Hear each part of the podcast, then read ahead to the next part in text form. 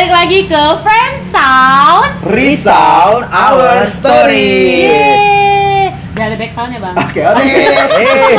Gue kayak demen banget gitu ya pakai kayak gitu ya. Nah, tahu gak guys, sebelum tadi kita ngerekam ini, sebelum Hmm, kita iya. back soundnya kita lagi sedih ya di belakangnya ya. Teng teng teng teng teng gitu kan. Rupanya 10 September kemarin gue baru tahu bahwa ada hari peringatan. Tahu gak hari peringatan apa? Rupanya tanggal 10 September itu adalah hari pencegahan bunuh diri sedunia. Oh. Oke, Nah, oke. itu menurut gua, gua kaget sih sebenarnya secara pribadi ya waktu kita ngebahas. Ah. Nah, orang tahu nggak 10 September itu hari bunuh diri? Gua baru tahu bahwa rupanya sekarang ada, Ada- peringatan ada itu ya. peringatan, atau Nah, ya, bahkan waktu itu ada juga yang nulis kayak gini. Orang Indonesia perlu mulai lebih terbuka membahas persoalan bunuh diri. Hmm. Hmm. Itu menurut gua, men- menurut gua, wow, it's amazing. Ya, maksudnya ken- kok bisa ada orang yang memilih untuk bunuh diri? Iya, iya, iya. Iya nggak sih? Hmm, hmm, hmm.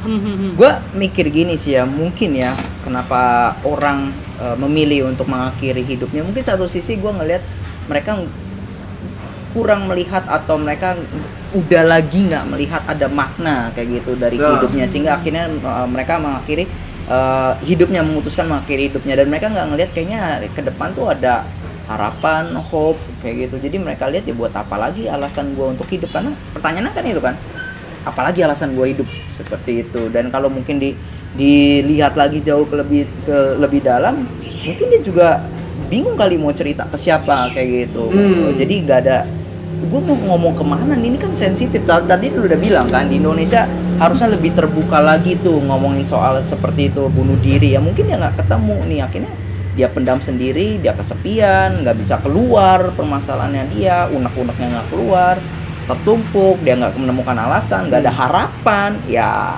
buat apa lagi gitu dia pikir Gue jadi inget ini deh. Oh, tapi tapi ini bener atau enggak ya? Hmm. Bahkan orang kaya sekalipun itu mereka kadang suka memilih untuk mengakhiri hidup mereka. Kadang kan Hmm. banyak orang yang bilang gini, yang Ya, penting ya, ya, gua ya. kaya, gua bakal bahagia. Ya Iya ya ha. Bahkan waktu itu gue pernah ya ke tempat ibadah kayak gitu. Ah. Iya. Pen- apa namanya eh, yang ngomong kayak gini. Bahkan Marilyn Monroe yang katanya jam, di zamannya dia tuh cewek Terkenal cantik banget. banget. Iya. terkenal banget, kaya banget, bahkan semua laki-laki pingin mendapati dia. Berarti so- bag- sebagai seorang wanita tuh, wow, gue cantik guys, kayak kayak Hmm. gitu ya. Tapi dia memilih untuk mengakhiri hidupnya. Maksudnya, wow, berarti bunuh diri itu kayak apa ya? Kayak salah satu cara terakhir mungkin ya orang untuk Udah kayak gue udah gak berguna ya gak sih? Rupanya kekayaan, kecantikan, rupawannya seseorang Apalagi tuh eh, Punya Hmm. banyak teman, Iya, followers Itu tidak membuat Tidak orang menjamin orang itu tidak akan bunuh melakukan diri atau enggak ngerasa kesepian ya iya, nggak sih? iya. Kalau gue yang lihat tadi kan Ernest bilang kata kesepian. Mungkin juga bisa ja- bisa jadi kesepian itu salah satu alasan untuk mereka bunuh bisa diri. jadi soalnya menarik waktu itu gue pernah baca gue lupa lah kayak gitu eh siapa gitu senimannya ya kayak gitu menarik dia mengatakan tentang kesepian kayak gitu dia Hmm. ngomong eh, kalau misalnya ada neraka di dalam dunia ini yaitu Oke. adalah orang yang kesepian Wow. Oh. kayak gitu. So, Nah, gua, gua se- lupa tuh sedalam itu gitu ya. Sam- iya sampai sedalam itu tuh kayak gitu. Dan memang sih gua gua berpikir kayak gini, bener ya setiap manusia kan pengen pengen eh, terkoneksi ya kayak gitu. Terus Hmm. waktu dia diputusin koneksinya dia nggak bisa ketemu siapa-siapa hanya dengan dirinya sendiri, ya itu neraka kayak gitu. Itu bener-bener sengsara banget karena gua mau minta pertolongan ke siapa nih gue bingung kayak gitu. Nah itu Iya. gua waktu baca ih gila bener juga ya menarik juga tuh ya ya kadang-kadang seniman kan kayak gitu ya Iya. bisa mengungkapkan apa yang dari dalam hati gitu dengan itu, kalimat itu, itu jadi indah. jadi satu hal yang eh, coba gua ini nih ya bahwa Hmm. ternyata bunuh diri salah satu alasannya kesepian. Nah coba kita address kesepiannya nih. Kalau Nah. teman-teman sendiri nih pernah nggak sih ngalamin kesepian? Gue pernah. Terus kayak apa tuh? Nggak Waktu pernah, lu ngalamin kesepian kayak apa Nov?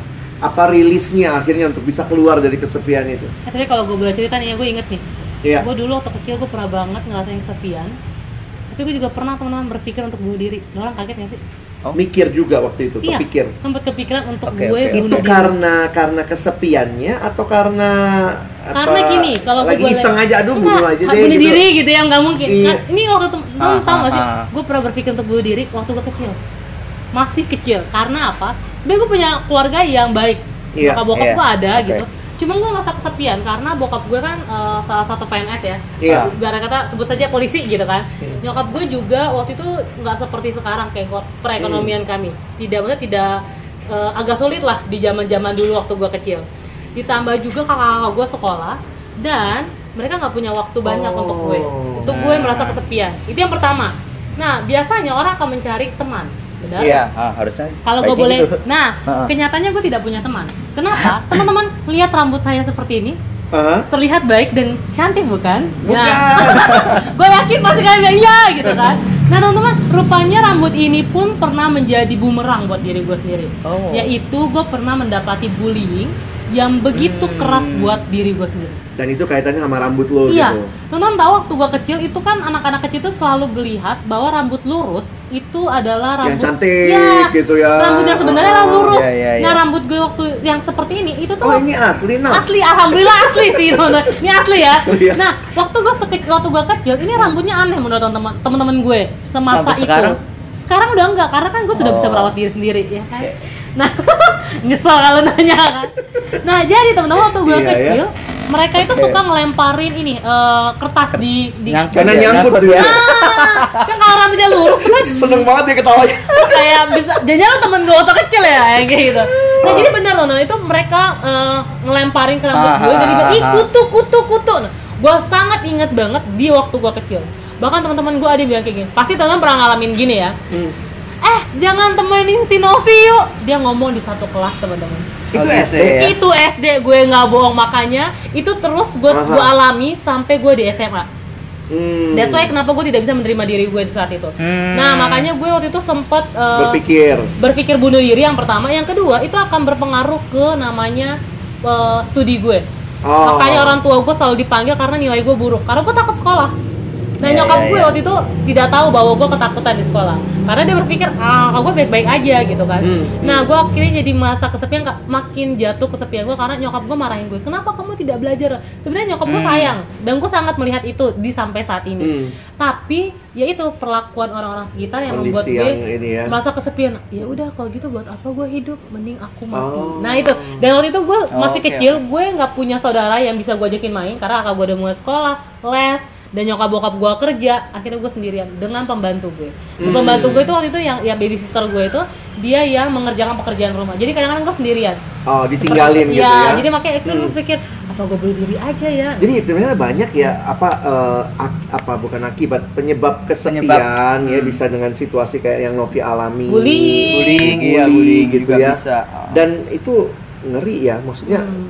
Karena balik lagi ya Tuhan kan udah nyiptain kita manusia yang butuh orang lain. Hmm. Tetapi ketika orang lain yang seharusnya hadir tidak hadir atau hadirnya tidak maksimal bukannya menolong malah membuli. Iya benar. Jadi itu jadi hal yang mengerikan dan bahkan terpikir bunuh diri. Mhm. Aku pernah nih ya, pernah pelayanan di satu sekolah, pernah survei kecil-kecilan, tanya sama mereka, ini anak SMP gitu ya. Iya. Kalian pernah nggak terpikir bunuh diri? Suruh tutup mata, angkat Ah, tangan ah. biar yang lain nggak lihat. Itu tuh kira-kira 70% loh. Wow, Wow. banyak ya. 70% Wow. pernah berpikir. Sehingga juga kalau ditanya yang berpikir aja segitu, ada juga yang mungkin sudah pernah mencoba, Mencoba, melakukan. ya. Dan mari kita belajar lihat kali ya bahwa kesepian ini penting untuk kita apa ya? Kita atasi Iya. dengan Iya. benar supaya tidak menjadi eh, satu hal yang bisa berpikir bunuh diri kah atau mungkin menyakiti diri. Aku ketemu juga tuh Penyakit ini disilat-silat gitu sih? beberapa Oke. orang Iya, iya, yang iya. dengan sadar Oke. Emang sengaja, sengaja untuk dan Oke. waktu ditanya memang biasanya ngomongnya gini ya gua nggak tahu ngapain gua hidup gua sendiri gua sepi papa mama gua kerja aku ketemu tuh anak SMA Iya, kenapa iya, ke- iya. ke mana-mana selalu pakai lengan panjang lengan gitu ya. panjang ternyata di sini udah penuh sayatan terus saya bilang apa Oh. enaknya enak kak paling tidak itu katanya rasanya ting sebentar hilang kayaknya masalah tapi kemudian balik lagi jadi Iya, aku pikir iya. wah itu nggak ngatasin masalah apa-apa begitu Tapi boleh tahu nggak sih bang kira-kira nih ya, lo kan lebih berpengalaman hidup lah sama kita mah. ya kan? maksudnya umur Iya. umur Kira-kira apa ya yang harus kita lakukan untuk setidaknya mencegah bunuh diri ini lebih banyak gitu? Karena kan kalau udah sampai hari peringatan berarti kan melihat Udah bahwa itu sudah penting banyak. banget gitu Iya, udah ya. sangat- sangat penting. Urgent. Apa ya yang harus kita lakukan untuk setidaknya mencegah ini untuk lebih banyak gitu? Kalau aku lihat sih yang pertama memang yang paling penting adalah kenali dulu apa faktor-faktor yang membuat orang Hmm. mau atau kok berpikir berniat untuk Bunuh bunuh diri. diri. Nah, salah satu yang gue pikir penting juga untuk kita atasi itu adalah kesepian tadi. Kita kan Iya, lagi kaitin kesepian itu. Kenapa? Karena sekali lagi kita tuh manusia yang diciptakan supaya punya relasi. Oke. Dan bagaimana kita bisa membangun relasi itu? Kita kan juga punya eh, ini ya eh, podcast soal persahabatan Iya, ya. benar, benar, Kayaknya iya, perlu iya. dengerin itu Aha. juga gitu untuk bagaimana bukan hanya menuntut sahabat jadi seperti apa, tapi kita jadi sahabat seperti apa untuk orang lain. Betul.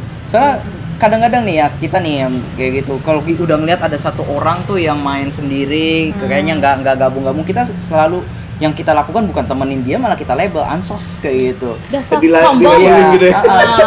kadang-kadang jadinya suka suka padahal memang dia tipikal orangnya adalah introvert kayak gitu. Dia Hmm. eh, menemukan energinya tuh kalau dia sendiri, sendiri. kayak gitu. Bukan berarti dia nggak mau temenan dengan orang lain kayak gitu. Nah, bagian kita adalah kalau ngelihat orang seperti itu ya datengin. Dia bukannya nolak orang lain kok seperti itu, tapi ya butuh ada orang yang inisiatif datang ke Iya. mereka kayak gitu ke orang-orang yang kelihatannya di kelas tuh ansos sendiri kayak gitu padahal orang-orang seperti itu seperti itu juga adalah orang-orang yang memiliki talenta yang hebat juga kayak gitu cuman dia nggak nggak mudah bagi orang-orang yang mungkin introvert kayak gitu Untuk untuk, datang duluan iya, ya. heeh.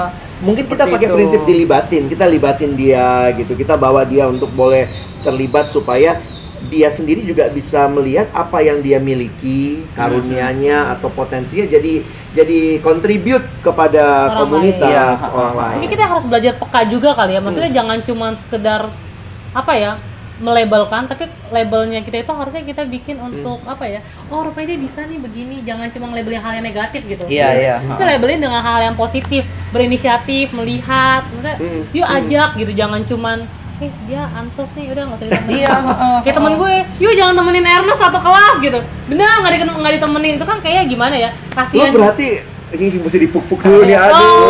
Gimana kayak waktu udah itu ya? sudah terima banget bang kayak gitu Tapi waktu itu sendiri setelah maksudnya kan lu bilang sampai SMA tuh. Hmm. Terus lu gimana ngatasin kesepiannya sesudah itu? Hmm. Apakah Ya. akhirnya lu menemukan cara tertentu atau rilisnya kayak apa, Nov? Akhirnya gue bisa rilis dengan diri gue itu setelah gue punya teman eh Oh, bukan oke. punya teman sih gue belajar untuk membuka diri gue Oh. Oh. membuka diri gue maksudnya gue melihat lagi-lagi gue menganalisa ya kenapa gue seperti ini gitu Ah. pertama nyokap gue sih yang akhirnya mulai punya waktu buat gue makanya menurut gue keluarga itu bisa sangat menjadi Oh. apa ya menjadi jadi inti dari semua permasalahan kesepian ya nggak sih kalau menurut gue secara pribadi sih Harusnya kita dapat keluarga yang apa eh, teman terbaik, sahabat terbaik Nah. yang dengar kita terbaik di keluarga ya. Iya, nyokap akhirnya punya waktu buat gue. Dia, gue nggak pernah ngomong tentang masalah gue di sekolah sampai gue SMP. Nyokap pernah ngomong kayak gini. "Eh, saya udah nggak mau lagi datang ke sekolah kamu untuk ketemu guru karena masalah nilai. Ih, Hmm. tapi itu kan akhirnya ya Tuhan, akhirnya aku sempet, yaudah Iya. aku aku nggak usah sekolah lagi, aku sempet berpikir Iya, seperti iya, itu. iya. Ah. Bahkan waktu itu wali kelas gue sempet ngomong kayak gini sama gue, gue dipanggil, dia bilang kayak gini, Novi kenapa kamu nggak mau punya teman di sekolah? Terus saya bilang kayak gini, ini bener-bener dengan kemarahan gue ya. Hmm. Teman bisa berpikir gini, gue ngomong kayak gini, lebih baik saya tidak sekolah daripada ibu menyuruh saya punya teman. Bush, lu sampai Tapi segitunya sampai ya. segitu dan dia kaget saking saking kepahitannya gue dengan teman gitu. Hmm. Nah, itu itu itu itu momen kesepian yang sangat sangat gue ingat. Dan akhirnya nyokap gue punya waktu dia belajar untuk ngobrol terus sama gue, tapi itu tidak mudah sih menurut gue. Ah. Iya. Karena gue terlalu selalu apa namanya defend gitu dengan dia. Enggak, lu lu lu lu sudah mengecewakan gue gitu. Iya, tapi iya, mungkin iya. lagi-lagi yang gue selalu denger nyokap gue selalu mendoakan gue. Ah. Lagi-lagi gue selalu Iya, mendengar iya. setiap pagi nyokap gue mendoakan gue lah, menangis buat gue dan itu yang Hmm. selalu gue lihat seperti itu nah akhirnya lama-lama gue mau belajar terbuka sama nyokap gue Hmm. nyokap gue selalu ngomong kayak gini tidak akan ada yang bisa mengubah kamu kalau bukan dari diri kamu sendiri Oh. itu poin yang selalu nyokap gue bilang Hmm. bagaimana kamu ke depan itu kamu yang menentukan kalau kamu tetap membenci orang-orang di sekitar kamu Hmm. dan kamu akan kesepian Nah, itu akhirnya membuat gue gue selalu nangis Tuhan kenapa gue ngalamin ini kenapa gue ngalamin ini?" Hmm. tapi itu yang terus mengingatkan gue sih lagi-lagi mungkin nyokap apa doa nyokap gue yang selalu mendo- yang mengingatkan gue bahwa Iya. ya gue harus jadi orang yang terbuka gitu akhirnya lama-lama gue menerima diri gue Hmm. rambut gue teman-teman itu teman-teman percaya nggak sih waktu gue kuliah eh enggak sampai gue kuliah gue nggak pernah potong rambut Hmm. jadi terakhir itu Ya. waktu gue SD gue nggak pernah potong rambut sampai sempet kan panjang rambut gue Ah, ah. Gue sampai teman-teman gue teman-teman gue nanya kenapa sih lo nggak mau potong rambut karena gue nggak mau ada orang yang menyentuh rambut gue saking segitunya kepahitan gue Oh. dengan rambut jadi yang teman-teman lihat itu misalnya ih bagus ya rambutnya itu punya proses yang panjang Panjang ya, sampai bisa nerima ya. nah Iya, akhirnya gue iya. Nerima aku sering bully juga kan? Iya lah, ini teman-teman No, saya suka bully. lempar-lemparin lempar-lemparin kertas ntar kita coba di kantor Kalau kalau nanti dia ulang tahun beliin sisir. Nih, nih dua-duanya suka bullying gue tentang rambut gitu. Lemparin, Nah, lemparin. pokoknya akhirnya sempet singkat cerita gue nggak pernah namanya potong rambut. Gue nggak mau ada orang yang lain yang memegang rambut gue. Oke. Nah, terus akhirnya sing, eh, lama-lama gue mulai menerima diri gue apa adanya. Di, di- di situlah proses yang cukup jatuh bangun lah ya yang Iya. membuat gue akhirnya up and down. Tapi lagi-lagi ada teman-teman yang mensupport gue dari belakang. Hmm. Bukan cuma teman tapi keluarga juga mensupport Iya. gue. Maksudnya ya emang lu seperti ini bagus kok. Mereka menggunakan kata-kata yang positif. Mereka tidak menjatuhkan gue, tapi Iya, mereka iya, tetap iya. Hmm. enggak kok lu cantik dengan begini. Mungkin lu bisa begini, mungkin lu ya seperti itu Oh, maksudnya. iya, iya. Mereka melihat mem- membuka pandangan Sisi-sisi gue yang lu nggak Nah, lihat gitu seperti ya. itu dan akhirnya gue melihat oh iya ya rupanya diri gue berharga seperti itu sih teman-teman jadi Ah. setiap kita berharga Amin. Maksudnya mereka mendapati bahwa setiap kita berharga gitu mungkin lo tidak baik dalam hal ini tapi Iya. percayalah Tuhan meletakkan satu hal yang baik, Baik. Kayak rambut gue yang gue kira jelek rupanya enggak kok cantik gitu, Yes, ya. gitu kan kadang-kadang itu kali ya kalau orang eh, kesepian mungkin merasa dirinya gue jadi kepikir kayak gini nih kayak gitu kalau memang adalah eh, kita adalah makhluk sosial Hmm. ketika kita nggak bersosial itu kayak dehumanize kita kayak Yes. gitu karena kita man- menjadi manusia menjadi makhluk sosial Hmm. kalau lu nggak bersosial ya berarti lu kayak menyangkal diri lu Kemanusiaan atau lu Iya, sendiri, kemanusiaan begitu. sendiri kayak gitu. kayak memenjarakan diri kita sendiri Betul. nggak sih Iya, jatuhnya? jadi lu ya dehumanize kayak gitu. Nggak merasa kayaknya gua merasa kurang manusia. Iya Kayak gua kemanusiaan gue tidak jadi 100% iya kayaknya kurang manusia. Tapi kayaknya nih hari ini nih ya episode kita tentang Novi.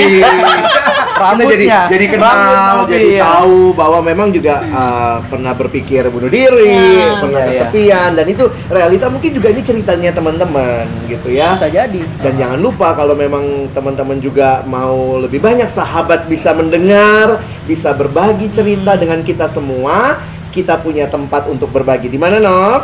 di Instagram kita teman-teman bisa DM kita di Ya. friendsound.id Dan jangan lupa juga kita eh, menunggu cerita-ceritanya dan mungkin kita bisa bang angkat nanti di Iya, eh, waktu-waktu kita bisa resound. Kita resound ya. Mungkin cerita dua teman saya tadi mereka juga benar-benar nggak tahu loh cerita aku tadi. Iya, kita juga ini surprise tapi bersyukur ya kita melihat bahwa ini proses yang Novi alami dan saya pikir tuh ya Tuhan bekerja ya. Iya, Doa seorang Ibu. ibu ya. Baik teman-teman, terima kasih banyak udah dengerin, udah nonton. Mhm. Nanti kita ketemu lagi di kesempatan berikutnya.